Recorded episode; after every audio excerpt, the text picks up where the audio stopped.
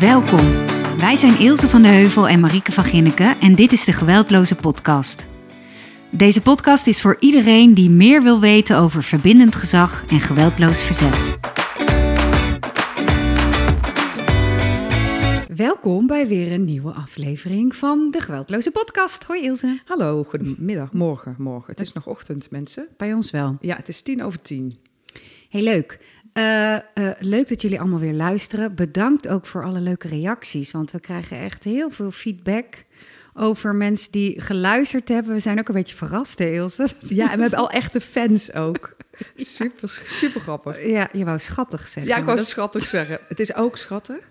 Maar het is vooral heel leuk dat mensen reageren. En het zijn ja. en mensen die wij zelf kennen, maar ook mensen die ik nog nooit gezien of gesproken heb. Ja, ja. Dat, uh, ik ja. krijg ook echt heel leuke reacties van... oh, ik kan niet wachten op de volgende ja. aflevering... en uh, ik, ik heb er echt wat aan... of ik vind het prettig om naar jullie te luisteren. Uh, gisteren zei iemand tegen mij... ehm, het klinkt zo professioneel met een intro en een outro. En toen zei ik, dat vinden wij zelf ook echt super cool. ja, dus we zijn uh, eigenlijk een beetje Jip en Janneke in de grote mensenwereld, in de grote mensen podcastwereld. Ja, zeker wel. Maar ik vind het wel, uh, ja, ik vind het leuk. Dus kom, blijf alsjeblieft feedback geven. Ook jullie tips nemen we mee. Ja. We kregen vaak ook de vraag van, oh, kan het concreter? Ja, Hebben jullie klopt. met meer tips? Um, kunnen jullie goed uh, voorbeelden blijven geven? We hebben ook van jullie teruggekregen dat jullie het leuk vonden als we persoonlijke dingen deelden. Dus dat zullen we Ja. ook blijven doen. Wij bleken ook gewoon mensen te zijn. Onze eigen momentjes van uh, frustratie zullen we ook blijven delen. hey, hoe is het met jou? Ja, goed. Uh, ja, ik, ik ben, eigenlijk ben ik heel moe. Heel hard gewerkt de afgelopen tijd. Ik ben veel in Groningen geweest. En als je in Breda woont, dan is dat best ver. Ja. Uh, heel leuk ook daar. Uh, mooie stad, overigens. Uh, maar veel trainingen, dus, dus toe aan vakantie. En jij? Ik ook eigenlijk. Ik heb morgen vakantie. Kijk. Oh, heel fijn. En ik heb wel iets leuks te delen over um, verbindend gezag afgelopen week. Want ik heb namelijk een netwerkavond ja. gehad. Vertel. Ja, nou, ik, ben gewoon steeds weer verbaasd hoeveel dat doet.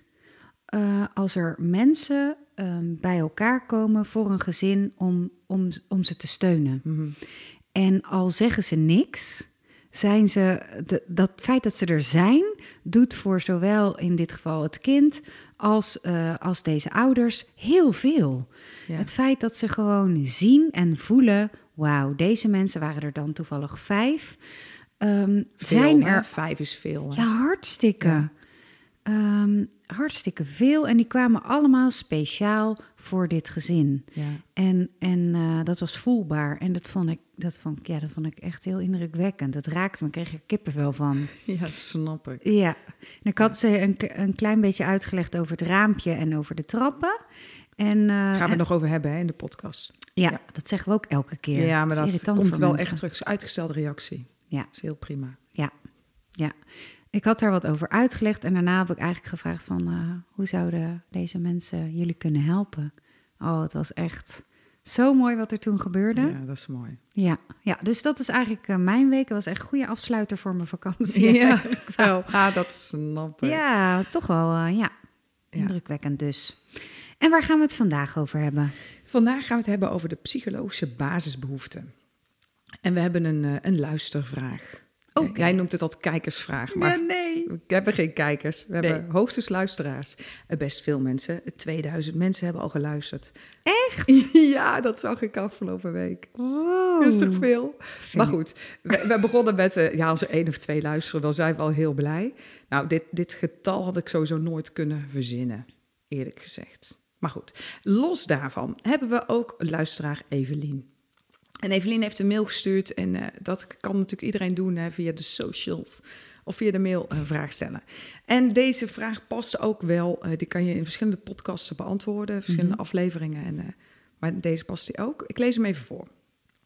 Hoe ga je als ouder om met de drie kinderen? En de kinderen zijn de leeftijd van 12, 10 en 8, die vaak ruzie met elkaar maken. Het is vaak lastig en met name hoe ze dan op elkaar reageren. Schreeuwen is dan mijn rode knop. Heel herkenbaar, Evelien. Bovendien is het heel vervelend als het in de tuin gebeurt en de buurt het allemaal hoort. Ja, ja die herkennen we. Ja. Extra lastig. Je wil ook niet als ouder steeds bij gaan zitten, omdat je dan een politieagent kan gaan voelen. En bovendien krijg je dan ook nog eens de schuld, omdat je voor niemand kiest. Lastig, lastig. Mhm. Het ijzersmeed als het koud is, doen we. Maar het blijkt toch moeilijker als er drie kinderen uit hun raampje gaan.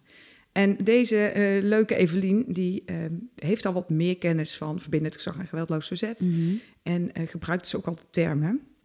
En het Ja. ijzersmeed als het koud is, dat, Ja. eh, wat is dat, Ja, ver- Marike? ja, Vertel jij het maar. Even een, een, nou, dat mag jij ook doen, maar even een opfrisser. IJzersmeden als het koud is, houdt eigenlijk in dat je ergens op terugkomt als iedereen weer afgekoeld is. Dat is eigenlijk de meest simpele omschrijving. Klopt. Niet in het moment zelf je gelijk willen halen, overtuigen of eh, onderbouwen waarom je iets vindt, maar wachten, een ander moment kiezen, de reactie uitstellen en dan s'avonds of morgen andere keer erop terugkomen. Perfecte uitleg. Yes, ik ben geslaagd. Ja, bij deze. En ook ehm, uit je raampje gaan. En dat betekent het, eigenlijk hetzelfde. Je raampje is de window of tolerance. En daar kan je gewoon filmpjes van opzoeken ook. Ja. Gaan we uitgebreid nog een keer op terugkomen. Ehm, maar op het moment dat je dus uit je raampje bent, dan kan je Mhm. gewoon niet meer zo goed nadenken. En dat Ja. is niet zo handig. En dat is vooral niet het moment waarop je reageert. Hopelijk wenselijk. Maar wat we natuurlijk wel veel doen. Ja, en ze heeft het ook over rode knoppen. En Ja. die is ook belangrijk. Daar gaan we een hele aflevering over maken. Ja. Eh, maar heel even in het kort, Ilse. Die rode knop, dat zijn triggers en die heb je eigenlijk meestal meegekregen van, eh, van vroeger. Je, we zijn allemaal opgevoed en iedere ouder heeft zijn of haar best gedaan. Maar het kan zomaar zijn dat je een trigger hebt van, van, van je ouder, van je vader, van je moeder. Ja, of van een leerkracht of Ja. van eh, kinderen van vroeger op school. Of, eh, Klopt. En als je dan in zo'nzelfde soort situatie of hetzelfde gevoel krijgt in het hier en nu, dan kan het zomaar zijn dat je veel sneller boos wordt dan Ja. dat je eigenlijk wil. Heb je daar... Oké, time out. Heb jij daar een voorbeeld van, van jezelf? Oh, wauw. oh, jezus, daar heb ik nog niet over nagedacht. Ja, daar heb ik al over nagedacht. Ehm, een voorbeeld. Ehm, Staat jouw telefoon aan? nee, no way. Oké, Nee. pauze. Nee hoor, ga gewoon door. Ja, oké. We zijn maar Oh, mensen. Telefoons staan uit. Oké, was het jouw telefoon ja, toch? sorry. Wauw. Ehm, nou, wij hebben een, ehm, een pleegkind gehad. En hij heeft twee jaar bij ons eh, gewoond, iets korter. En eh, hij was zes toen hij kwam en acht eh, toen hij wegging. En eh, deze, deze leuke jongen, die, eh, die deed eh, natuurlijk van alles. Maar hij ging op zijn sokken naar buiten. En dan kan je denken, ja, nou en? Ja, Wat maakt het uit? Ja, nu denk ik ook oprecht, nou en, wat maakt het uit? Mhm. Maar op dat moment bleek dat een van mijn rode knoppen te zijn. Hè? Dat kan je bijna niet verzinnen.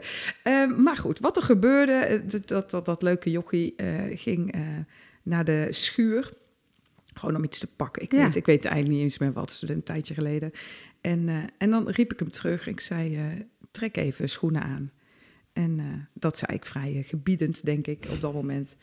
En mensen, dit is nou wel 15 of 16 jaar geleden. Ja. 17, 18 jaar geleden. Je was toen al. nog niet misgeweldloos nee, verzet. Nee, nee, nee, nee. Ik was toen, nee. Eh, Weet je, maar nog niet zo als nu. Eh, dus ik riep hem terug en, eh, en hij moest voor mij rode schoenen aandoen. Ja. En hij had echt zo, ja, dat ga ik niet doen.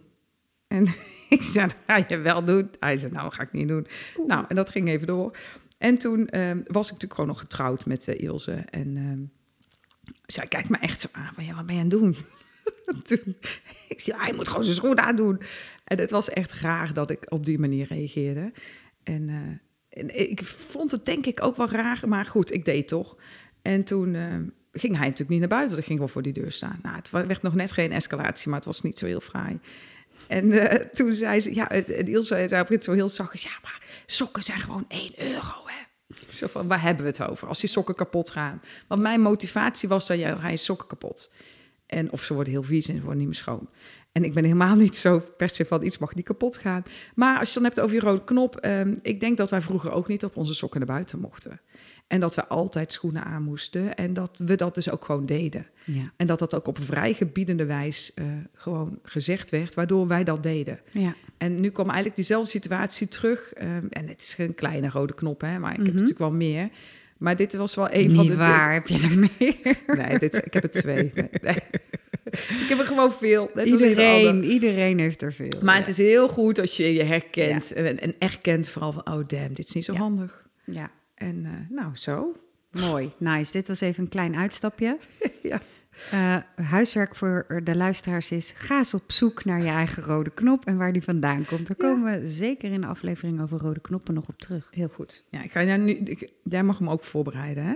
Je mag één kiezen uit vele, Marike, voor de volgende aflevering. Oh, bij mezelf? Ja. Oh ja, zeker. no, no worries. Dat, ik heb er echt heel veel. Ja. uh, maar nu gaat het natuurlijk over de vraag van Evelien. Ja. En, um, en hoe je dat gaat doen hè, als ouder met, met drie kinderen die, die schreeuwen. En um, deze gaan we gedurende de hele aflevering beantwoorden. Lijkt me leuk. Ja, dat is goed. Het is echt een goede vraag, want het gebeurt zo vaak hier gisteren nog met in mijn eigen gezin, maar ook in de gezinnen waarin ik werkzaam ben. Dit is zo vaak aan de hand. En dat ouders dan zich echt ook machteloos kunnen voelen van nou maar jeetje, ik moet er, moet er bijna tussen gaan zitten omdat ze elkaar anders in de haren vliegen. Ja. Mooi. Ja. Ja, en vandaag gaan we het dus hebben over ehm, de psychologische basisbehoeften. Mhm. En uh, daar is heel veel onderzoek naar gedaan. En, uh, Psychologische basisbehoeften. Ja.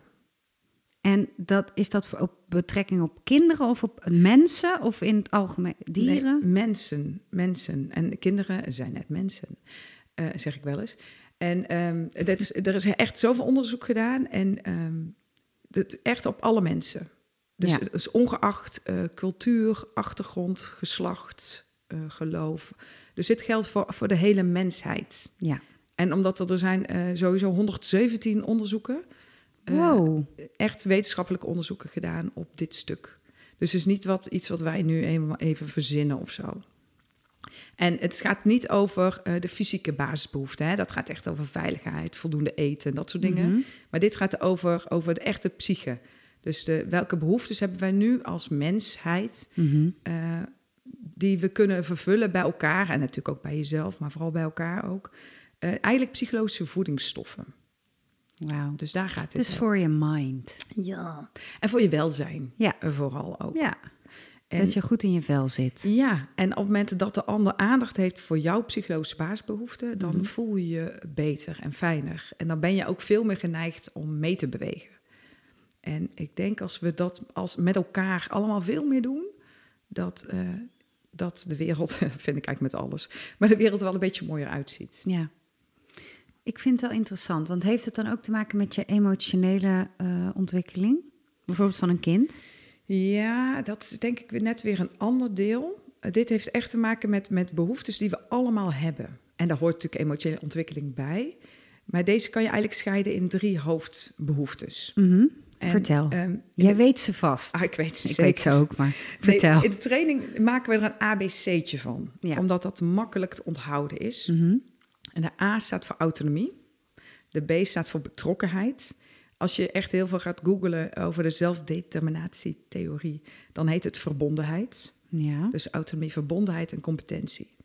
Maar omdat ABC lekkerder klinkt, autonomie, betrokkenheid en competentie, makkelijker te onthouden is, uh, gebruiken wij die termen. Dus dat is goed om te weten, mensen. Heel goed. ABC. Dan ja. uh, is de eerste daarvan. Zullen we ze gewoon om de beurt even behandelen? Ja, goed idee. De eerste is autonomie. Ja. En het gevoel, uh, bij autonomie gaat over het gevoel dat, dat wat je doet, dat dat voorkomt uit jezelf. En dat dat niet gedreven wordt door moeten van een ander. Mm -hmm. Dus, dus het gevoel van autonomie, dat, dat jonge kinderen ontwikkelen dat in het begin van de, van de ontwikkeling van kinderen. Dan heeft vooral die opvoeder heel veel autonomie, want die moet het kind letterlijk voeden. En als dat niet gebeurt, gaat het kind gewoon, nou ja, dood. Mm -hmm. En uh, dus in het begin hebben kinderen nog heel weinig autonomie. En vanaf twee, drie jaar gaat dat echt, begint dat. Hè? Ja, de peuterpuberteit. Ja. Nee, ik ben twee en ik zeg nee. Ja. Dat is toch het begin, denk exact, ik. Ja, exact. Ja. En dan kan je niet meteen alle autonomie aan een kind geven. Dat nee. gaat niet, want, nee. want dat slaat nergens op. En dan wordt het echt chaos. En heb je dat wel gedaan? Nee, nee je, je ziet kijken. mijn gezicht heel vaak. Ja, je ziet mij meteen in mijn gezicht veranderen. Ja, nou, waar, waar, ik aan zat te denken, is dat het dus wel soms een uitdaging is voor mensen om uh, om te gaan met bijvoorbeeld de driftbuien van kinderen van twee of drie. Ja. En we, we, kennen allemaal de situatie in de supermarkt dat kinderen op de grond gaan liggen en niet meer voor of achteruit willen. En soms is het da daar al dat het begint dat ouders gaan toegeven. Ja. Uh, waarin je dan dus ook misschien uh, geen wenselijke situaties creëert. Klopt. Waarbij een kind dan uh, kaders nodig heeft en die zoekt en niet krijgt. klopt. En als je toegeeft, wat ik echt begrijp, en ja, ook ik ook. echt wel eens gedaan heb, ja. um, laat je eigenlijk aan het kind zien, als jij dus heel hard gilt, dan krijg je je zin. Dat leert het kind ervan. Want dat Ja. vind ik altijd zo mooi. Ilse vraagt altijd in de trainingen die wij geven, eh, vraagt ze altijd: wat leren we onze kinderen hiermee? Of wat wil je je kind leren? En dat vind ik altijd zo'n helpende vraag. Ja. Dus wat leer je een kind ermee dat als het schreeuwt en tiert en, en jij zegt: sta op, kom mee. En je, misschien is het wel een rode knop. Wel, misschien is je rode knop wel: wat vinden mensen van mij? Of ben ik wel een goede moeder? Of eh, hè, dat zou allemaal eh, rode knoppen kunnen zijn. En jouw kind blijft daar liggen. Dat jij denkt: dit moeten we oplossen nu, nu, nu. Dat kind moet opstaan. Dat je uiteindelijk maar eh, de, het snoep geeft wat het kind wil. Om er maar van het Ja. geheel af te zijn. Ja, zeker. En dat is natuurlijk een, eh, best wel een ingewikkelde.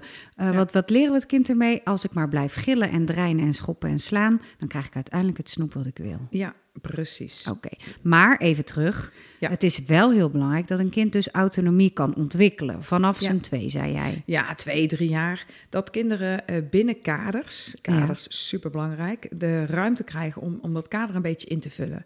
Bijvoorbeeld, welke schoenen wil je aan? Ja, In plaats van doe je schoenen aan. ja, Hè, als je twee paar schoenen hebt, laat het kind kiezen. En het klinkt super simpel. Maar dat kan zomaar zijn dat het kind wel schoenen aan gaat doen. ja. Of, ehm, Oh, die is toch herkenbaar, hè? Dat je Ja. net een beetje iets te laat bent voor school. En dat je zegt, doe je schoenen aan. Ja. Zelf al een beetje geïrriteerd bent. En dat het kind zegt, nee, ja, nee, doe geen schoenen aan. ja. ja, en als het je dan lukt om, om, om vanuit iets meer rust ehm, je irritatie probeert weg te zuchten. ehm, maar je geeft twee paar schoenen en je zegt, joh, kies even welke schoenen je aan wil. Ja.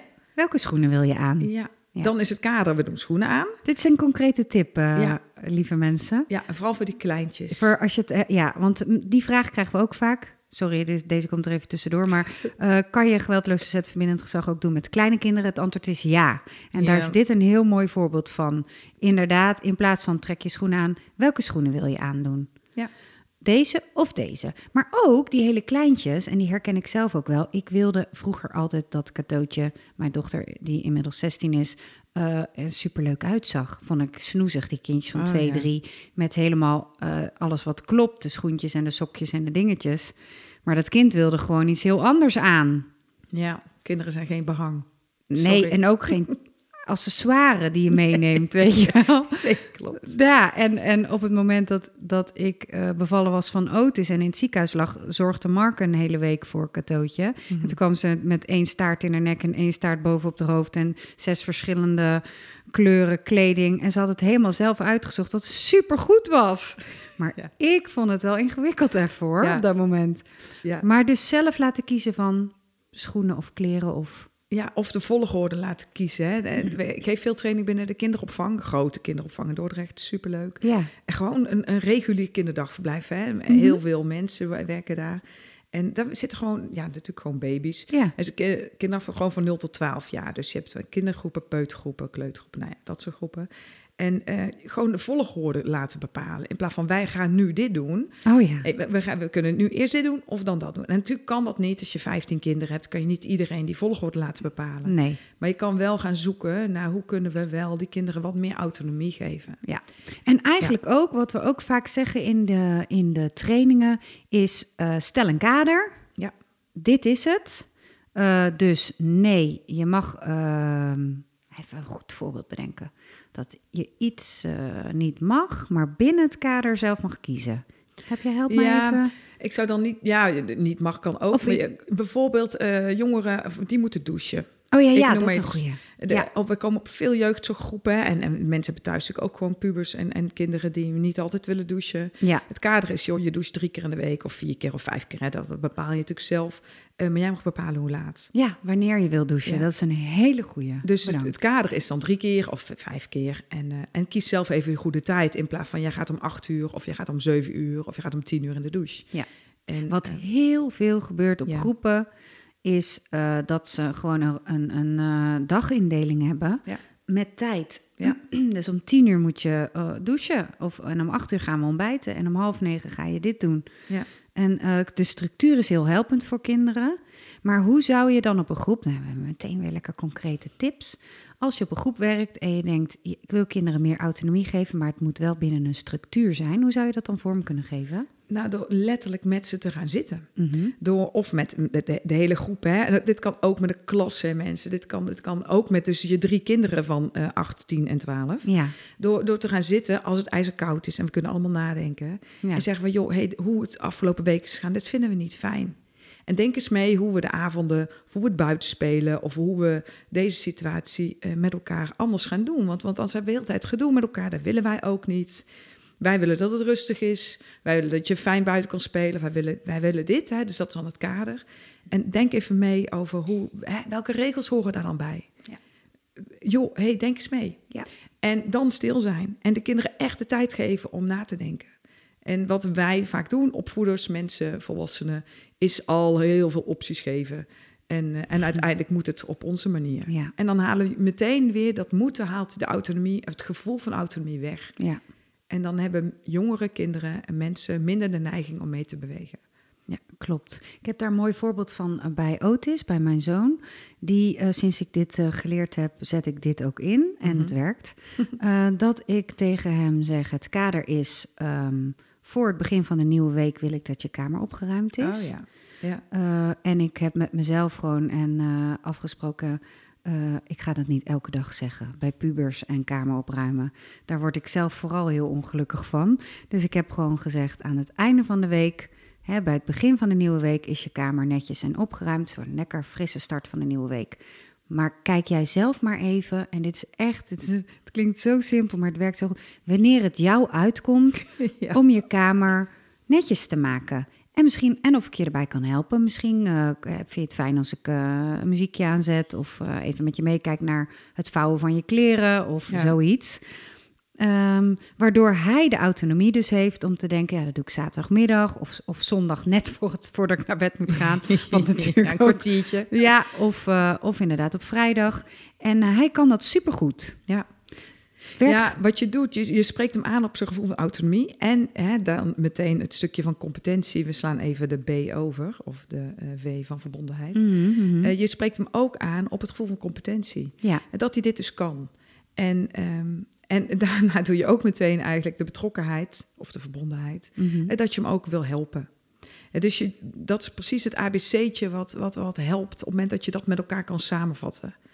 Dus je zegt, joh, hè, het kader is uh, zondagavond, uh, voordat de maandag in ieder geval begint, is je kamer opgeruimd. Ja. Ik weet zeker dat jij een goede tijd kan kiezen. Kies je moment, hè? dus dat is dat competentiegevoel. En als ik je kan helpen, dan, uh, dan ben ik er. Ja. En laat het weten. Hè? Dus je legt het heel erg bij hem, maar wel binnen het kader. En de kans dat jongeren en kinderen en mensen dan meebewegen, ook in het bedrijfsleven, die is zo ontzettend veel groter. Want hij mag zijn eigen tijd bepalen. Juist. Maar hij weet hij wel gaat wat er hij heel moet goed doen. op. Ja, en even kanttekeningen, ja. beste mensen. Het blijven pubers. Ja, Want dan zeggen mensen tegen mij ja, maar dan is het, uh, moet om half tien naar bed en vijf voor half tien is het nog niet opgeruimd. Wat doe je dan? Ja. ja, dan adem je dus door. En zeg je, goh, we hebben nog vijf minuten. Um, maar eigenlijk al eerder hè, zeg je dan van, goh, um, hoe zit het met je? Eh, hoe had je erover nagedacht? Uh, hoe zit het met je planning? Want over een uurtje moet je naar bed en je kamer is nog niet opgeruimd.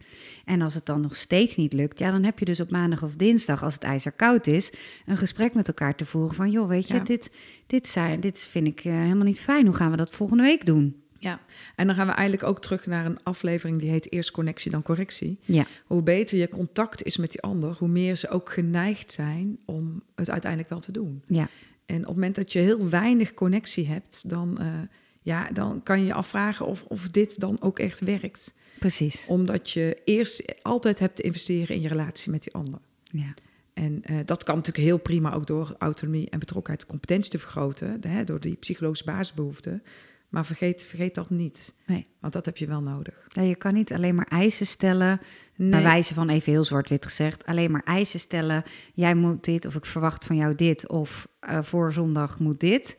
En aan de andere kant niet investeren in fijne momentjes, relatiegebaren. Ja. Je kind zien voor wat hij is. Eens kijken naar wat hij voor game aan het spelen is. Ja. Ja, dat soort dingen. Nee, en, en ik hoor ook veel mensen zeggen, joh, dit kan ook in het bedrijfsleven. En dat klopt. Ja, Hè, op het moment dat je medewerkers hebt of je werkt gewoon met collega's samen en eh, jij bent een hele autoritaire leidinggevende en je gaat ineens eh, een ABC'tje doen bij je team Mhm. en je zegt, joh, hey jongens, we gaan deze kant op en eh, denk eens met me mee en ik weet zeker dat jullie het kunnen, maar je hebt daarvoor helemaal niks gedaan in die relatie. nee. Ja, dan eh, denken die medewerkers ook, die zeggen misschien wel ja, maar die knikken intern of innerlijk nee. Mhm. Dus ga dan ook eerst weer terug naar, naar je contact voordat je dit eh, gaat uitproberen.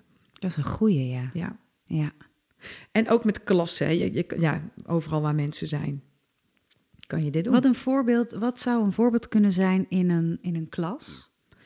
Het ligt natuurlijk heel erg aan de leeftijd van de kinderen. Hè? Want de, eh, hoe jonger de kinderen, dan ga je gewoon wat meer opties geven. Dus Ja. dat, dat is een beetje het, het verschil met, met pubers. Die, die kan je wat meer loslaten daarin. En met kleine kinderen zeg je, joh, eh, met welke kleur pen wil jij schrijven? En dan heb je twee kleuren. Maar we gaan wel schrijven. We gaan schrijven, maar jij mag kiezen met welke pen. Ja. En het, je zal misschien denken, ja, maar wat maakt dat uit? Maar voor kinderen, die Mhm. krijgen dan het gevoel van controle. Ze krijgen het gevoel dat ze een keuze hebben. Ook al is het een non-keuze, hè? In, Ja. misschien in mijn hoofd. Maar kinderen krijgen wel het gevoel dat ze mee mogen denken. Ja. Of hey, we hebben taal en rekenen op het programma staan. Eh, en stel je voor hè, dat dat lukt, dat kinderen daarin een keuze mogen maken. Wat wil je als eerste doen? Ja. We gaan het wel doen, maar wat wil jij als eerste? Ja. Of eh, welk boek wil je lezen? En de meeste scholen, hè, mogen kinderen zelf van een boek kiezen. Eh, dus, dus daarin Maar gebeurt al. lezen. Maar we gaan wel lezen.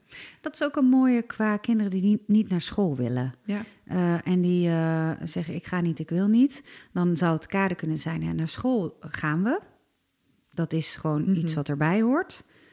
Maar zou je me mee willen denken hoe we naar school gaan? Op de step, op de rolschaatsen, met de fiets, Ja. met de auto, lopend. Maar we gaan wel naar school. Ja. Heel vaak werkt dat wel, ja. Ja. Ja, en, en natuurlijk niet met die echte schoolweigeraars. Hè. Die zijn dan Nee, nee, deze fase De al voorbij. milde, de milde eh, kindjes die gewoon zeggen, ik ga niet. Ja. Jongere kindjes. Ja. Ja. ja. En dan is het echt de kunst om, om vooral te blijven ademen. Want dat is dan een uitdaging. Op het moment Ja, dat je kind daar staat en die zegt, ga niet. Ja, ik ga niet, ja. En dan is het de taak van ouders om te blijven volhouden. Ja, we kunnen, ja, dit kan jij zeggen, maar we hebben wel eraan. Ja. En dat je dan gaat kijken hoe. Ja. En, ehm, maar en wil je met me meedenken hoe de dag voor jou dan Ja. iets fijner kan verlopen? Ja. En dan zou je ook meteen een relatiegebaar kunnen doen door in het broodtrommeltje een briefje te doen met ik geloof in jou. Ja. Tot vanmiddag. Love you, dikke kus mama.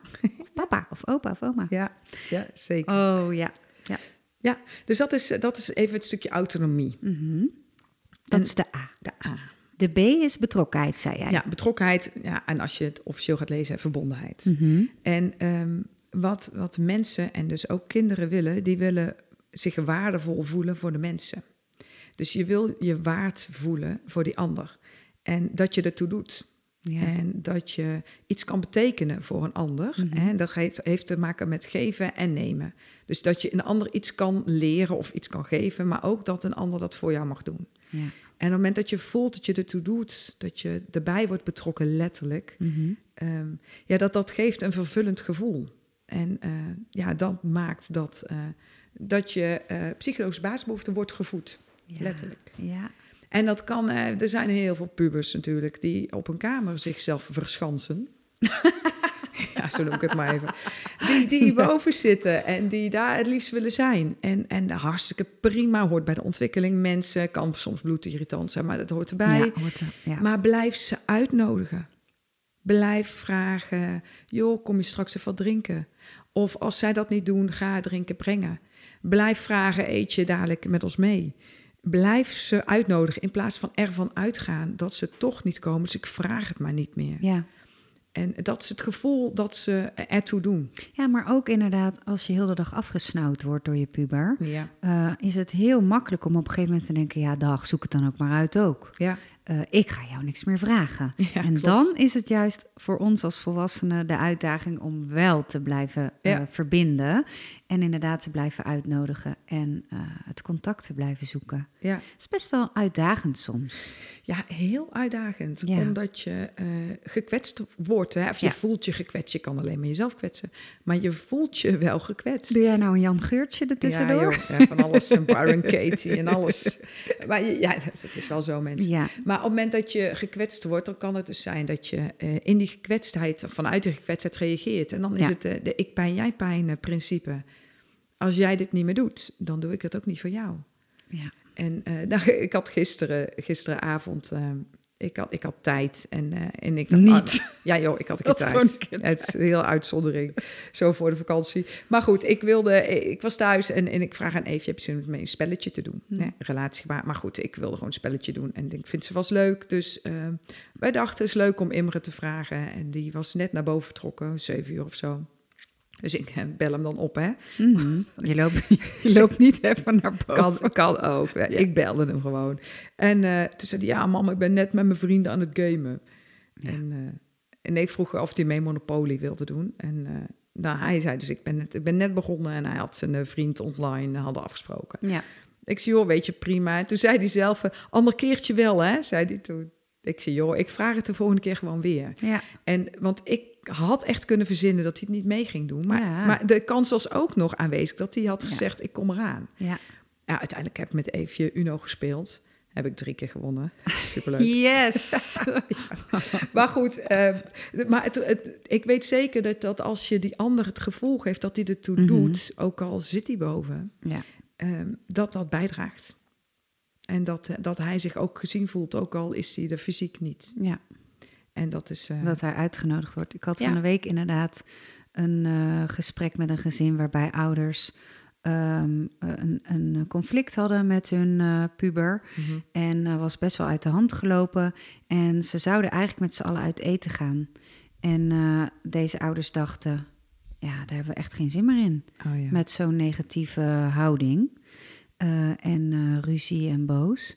En die zijn zonder hun uh, puber uit eten gegaan. Oh, en uh, ik sprak later uh, het hele gezin, waarbij deze puber aangaf: Ja, ik voelde me echt super afgewezen, want ik ben niet gevraagd om mee te gaan. Ja. Terwijl ik echt wel had kunnen schakelen naar: Oké, we gaan gewoon met elkaar uit eten en daar geniet ik van en daar kan ik een gezellige bijdrage aan leveren. Um, maar juist vanuit het gevoel van afwijzing volgde er weer een escalatie en weer een afwijzingsgevoel. En dat op tafel krijgen maakte wel weer inzichtelijk hoe zulke dingen dus kunnen werken. Ja. En dat het voor ons als ouders dus belangrijk is om te kunnen ademen en te kunnen zeggen: Oké, ik zet me hier overheen. Ik vind het wel ingewikkeld, maar ik blijf jou wel uitnodigen om toch uh, iets met ons te doen.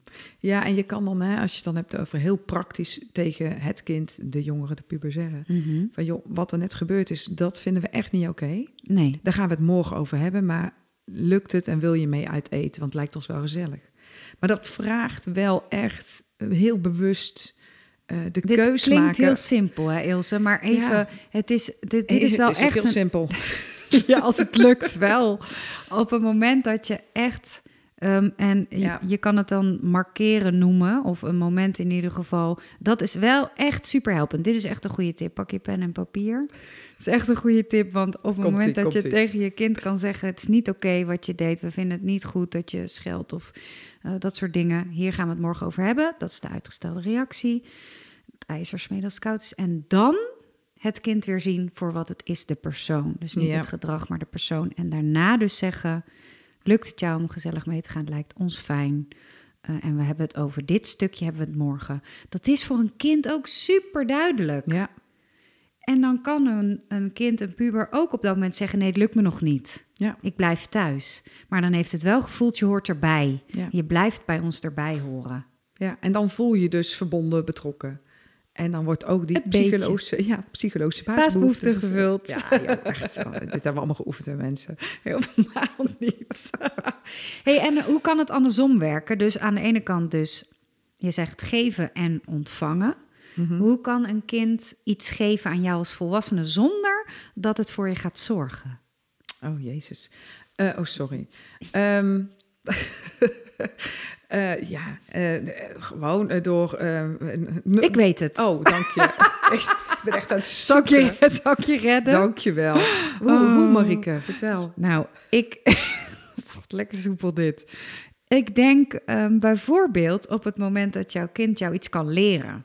Oh, wat goed. Ja. Uh, en dat kan iets heel simpels zijn, zoals uh, het allersimpelste voorbeeld is natuurlijk een computergame. Want wij zijn natuurlijk allemaal nerds. Nee, helemaal niet allemaal, maar wij wel. Mhm. um, en dat je ernaast gaat zitten en dat je zegt, hoe werkt dit eigenlijk? Ja. Of uh, heel simpel op je iPhone of je andere telefoon, wat je ook hebt. Android, dat je zegt, Samsung. Ja, maakt niet uit, allerlei dingen. Maar dat je zegt tegen je kind, waar zit dat eigenlijk, die functie van autofocus op je camera? Of hoe uh, zet ik eigenlijk dit of dit uit of aan? Of hoe werkt het eigenlijk met Siri of met AI of met Ja, al die andere dingen? Absoluut. En je vraagt het aan je kind en je kind mag jou iets uitleggen. Dan zie je letterlijk, moet je maar eens uitproberen, dan zie je het gezicht opentrekken en gaan stralen. Dat ze jou iets mogen uitleggen over jouw telefoon. En dat jij eigenlijk gewoon een uber-nerd bent, oud en uitgerangeerd en niks begrijpt. Ja. Pak die rol, lieve mensen, even gewoon voor dat moment. Want het, doet een kind zoveel goed. Het is Ja. echt leuk om te zien. Ja, ja helemaal waar. Helemaal waar. Eh, de Imre die is eh, natuurlijk van de computers en hij heeft twee schermen inmiddels op zijn kamer staan. Mhm. Dat je echt denkt uh, overdreven. En uh, dus ik vroeg ook heel tijd hebben van ja, wat, eh, hoe, waarom is dit nou handig en, en waarom helpt het, hoe helpt dit dan en dat Ja. soort vragen. En zei ja mama, dat gaat jou ook helpen als jij dingen op de computer moet doen. En toen had hij eh, nog een klein, eh, stond nog een klein oud televisietje, een scherm. En eh, die heeft hij aangesloten op mijn laptop. En het is handig. En elke keer als ik het nu gebruik, dan eh, komt hij trots, zegt hij, eh, ja, dit is handig hè mam. En eh, nou, dat heb je wel mooi van mij geleerd. En, Ja. was het het beste wat ik je ooit gelezen heb? Nou, dat soort dingen. Hij wordt elke keer, als hij ziet dat ik het ook gebruik, het is ook echt heel handig, wordt hij daar blij van. Ja, leuk. Dit Ja. is een mooi voorbeeld. Ja. Ja. Oké. Hey, en het laatste woord? Ja, competentie. Mhm. Eh, het gevoel van competentie is dat je iets aan kunt, wat, wat er van je gevraagd wordt. Hè? Dus, Ja. dus als je competent voelt, dan eh, weet je, oh, ik kan dit aan. Ja. En, eh, en je kan daarin natuurlijk ook uitgedaagd worden. Dus op het moment dat je aan kinderen of aan jongeren een vraag stelt... en het is fijn als, als zij die vraag aankunnen... of, of het, hè, het gevoel hebben dat ze het aankunnen... en ook wel, het mag wel een beetje moeilijk zijn... Mhm. maar eh, de succeservaring moet wel iets groter zijn dan, dan De moeilijkheid. Ja. Ja. En, eh, en, en dan kan je dat als ouder ook vragen aan, aan, aan je kind. Zeker. Zeker. En ik heb ook nog wat hoedjes opgezocht. Zocht. Oh, leuk. Hoedjes opgezocht. Ja? opgezocht. Nee, want hoe, hè? Hoe kan je nou die autonomie stimuleren? Gewoon heel praktisch. Mhm. Ben ik gaan, gaan zoeken naar wat kan je nou echt doen? En ehm, bijvoorbeeld ehm, de reden waarom iets belangrijk is uitleggen. Het is heel simpel. Maar we zeggen zo vaak, eh, het moet nu. Of nu moeten we dit, of jij moet dat en dat doen. Mhm. En als kinderen niet weten, en jongeren ook niet, waarom dat nou belangrijk is, Ja, waarom zouden ze het dan gaan doen? ja, En vooral het woordje moeten is natuurlijk niet helpend. Soms heb je het te gebruiken, ja. eh, maar leg uit waarom. Ja. En neem daar gewoon heel even de tijd voor. Hebben we daar een voorbeeld van? Ehm, nog niet, misschien komt die zo. Ja. Eh, kinderen mee laten beslissen. Dus ehm, dat is nummertje twee. Eh, op het moment dat ehm, kinderen mee mogen beslissen over... eh, nou, jongens, er moeten taken gedaan worden in dit huis. Ja. En wij gaan niet meer alles zelf doen, want jullie zijn oud genoeg. Denk eens even met me mee, Ja. of met ons mee. Mhm. Hè, dit en dit en dit moet gedaan worden. Wie wilde wat doen? Ja. Want we gaan allemaal iets doen. Hè? Ja. Dus dat. Ja. Ehm, de kans dat zij zich meer eigenaar voelen is groot. Dat helpt enorm. Mhm. Mhm. Ehm, initiatieven aanmoedigen. Dus stel je voor, een kind heeft een initiatief waarvan jij denkt, hmm, is het wel zo handig? Eh, Ja, dat je toch precies. zegt van, joh, hey, probeer het eens uit. Eh, Mhm. goed idee. En, en nou, onderzoek het eens. Ja. Dan krijgen kinderen meer gevoel van autonomie. En gaan ze ook ervaren of het wel of geen goed idee was. Maar als ze dat zelf voelen, dan hebben ze daarna, passen ze het wel weer aan. Daar leren ze ontzettend veel van. Ehm, punt 4. respecteer het perspectief van de ander. En onderzoek dat ook. En daarmee bedoel ik ehm, dat je ook... ehm, Zag je mij vragend kijken? ja, ik zag jou kijken. Ik denk, nou, ik zal meteen uit. Ja, krijg die vraag. Ja. Dus stel je voor, een kind zegt, eh, dat is ook natuurlijk ook gewoon empathisch zijn. Hè? Mhm. Eh, ja, maar ik, ja, god een voorbeeld. Ik had het beter voor moeten bereiden. Ik, ik ga dit niet doen, Mhm. bijvoorbeeld. Ja. Maakt even niet uit. Oh, nou ja, eh, laat ik ons eigen kind even als voorbeeld nemen. Uh, Eefje. Eefje, uh, die zit op turnen. Ja. Hartstikke leuk, wilde ze super graag. Maar zij vindt het spannend om naar nieuwe situaties te gaan. Mhm. En eh, in mijn hoofd kan ik dan denken... ja, hallo, je bent bijna tien. Ja. Dit kan jij. Ik zet jou af en ik loop even mee naar binnen en dan is het wel goed. Ja. Hè? Dus eh, in mijn hoofd kan ik zeggen, jij moet dat gewoon kunnen. Als ik dat tegen haar zou zeggen, dan weet ik zeker dat zij blokkeert en dat zij allemaal dingen bedenkt eh, en pijntjes voelt Ja. die ze heel erg zegt dan te voelen, en waardoor ze niet gaat. Ja. Dus ik ben eh, met haar gaan kijken, of wij, eh, van joh, wat, wat gebeurt er dan bij je? Mhm. En dat is echt het respecteren en het bekijken van het Ja. perspectief van haar. Ja, In echt van in mijn. haar situatie inleven. Ja, exact. En In haar schoenen even gaan staan. Hoe is dat Klopt. voor jou? Klopt. En dan is de volgende tip: hè, kijk naar keuzemogelijkheden binnen de kaders.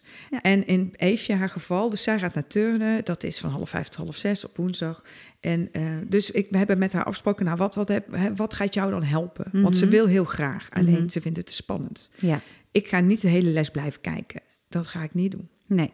Hè, wat gaan we, hoe gaan we dat doen? Dus het Ja. kader is, blijft niet heel de les. Maar wat heb jij nodig? Wat, wat kan voor jou nou helpend zijn, zodat jij wel naar binnen kan? En wanneer mag ik weg? En, ehm, en dat ga ik natuurlijk uiteindelijk afbouwen. Want ik wil daar niet de hele tijd de kwartier staan kijken. Nee. Ik wil het wel, maar ik wil haar het gevoel geven dat ze dat kan. Hè, dat Ja. ze competent is. Ja. Nou, en door dat met haar samen te onderzoeken, was het de eerste keer volgens mij 10 minuten. En de keer erop, nee, toen kwam ze heel trots naar buiten. Want eigenlijk moest ik bij de deur blijven staan. Ik zo, even, jij kan dit wel. En ik sta hier echt vlak om het hoekje. En ik weet het zeker. Nou, dat is gelukt, thank God. Ja. Toen kwam ze heel trots naar buiten. Dus zij voelde zich, hè, om even in de termen te blijven, competent. Ja. Dat ze het dus kon. Ja. En ze voelde de betrokkenheid, hè, de verbondenheid. En, en de autonomie werd vergroot. Dus vervolgens ehm, zijn, ben ik elke keer, als ik mee kon met haar, eh, naar binnen gegaan. De laatste keer had ik afgesproken, joh, hoe lang moet ik blijven? Ja. Toen zei ze, als ik in de kring zit, hè, dus eerst rondrennen door die zaal, daarna moet ze allemaal gaan zitten.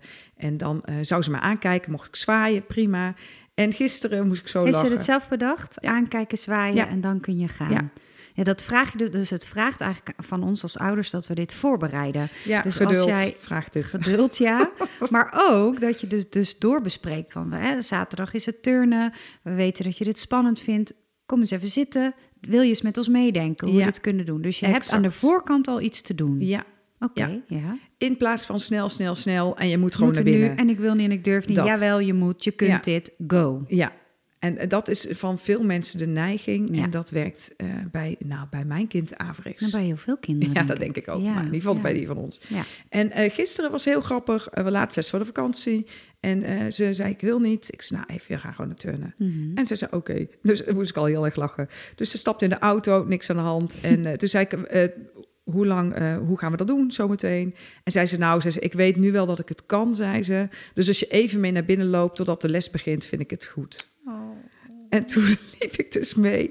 En in haar hoofd blijkbaar te ver mee. En toen keek ze me echt aan. En toen zwaaide ze van, ja, ga nou maar. Ja, Toen moest ik Mooi. zo lachen. dus ben je, heb je haar er doorheen geholpen. Ja. En zij heeft het idee dat ze zelf Ja, ergens doorheen Ja. heeft mogen gaan. en dat is Maar dan echt van combinatie. Ons, ja, en verdragen. Ja. Verdragen dat je kind het nog niet kan, durft, wil. Ja.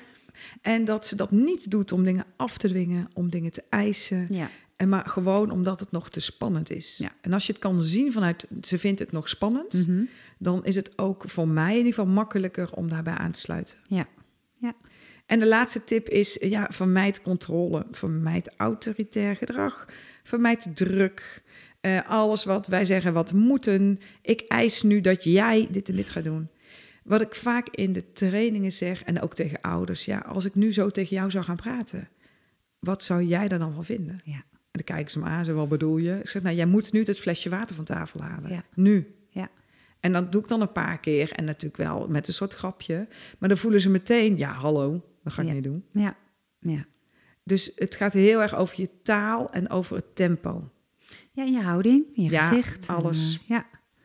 Leuk. Hey, Ja. als we dit dan even eh, afrondend Ja. gaan kijken naar de vraag van Evelien. Hè? Ja.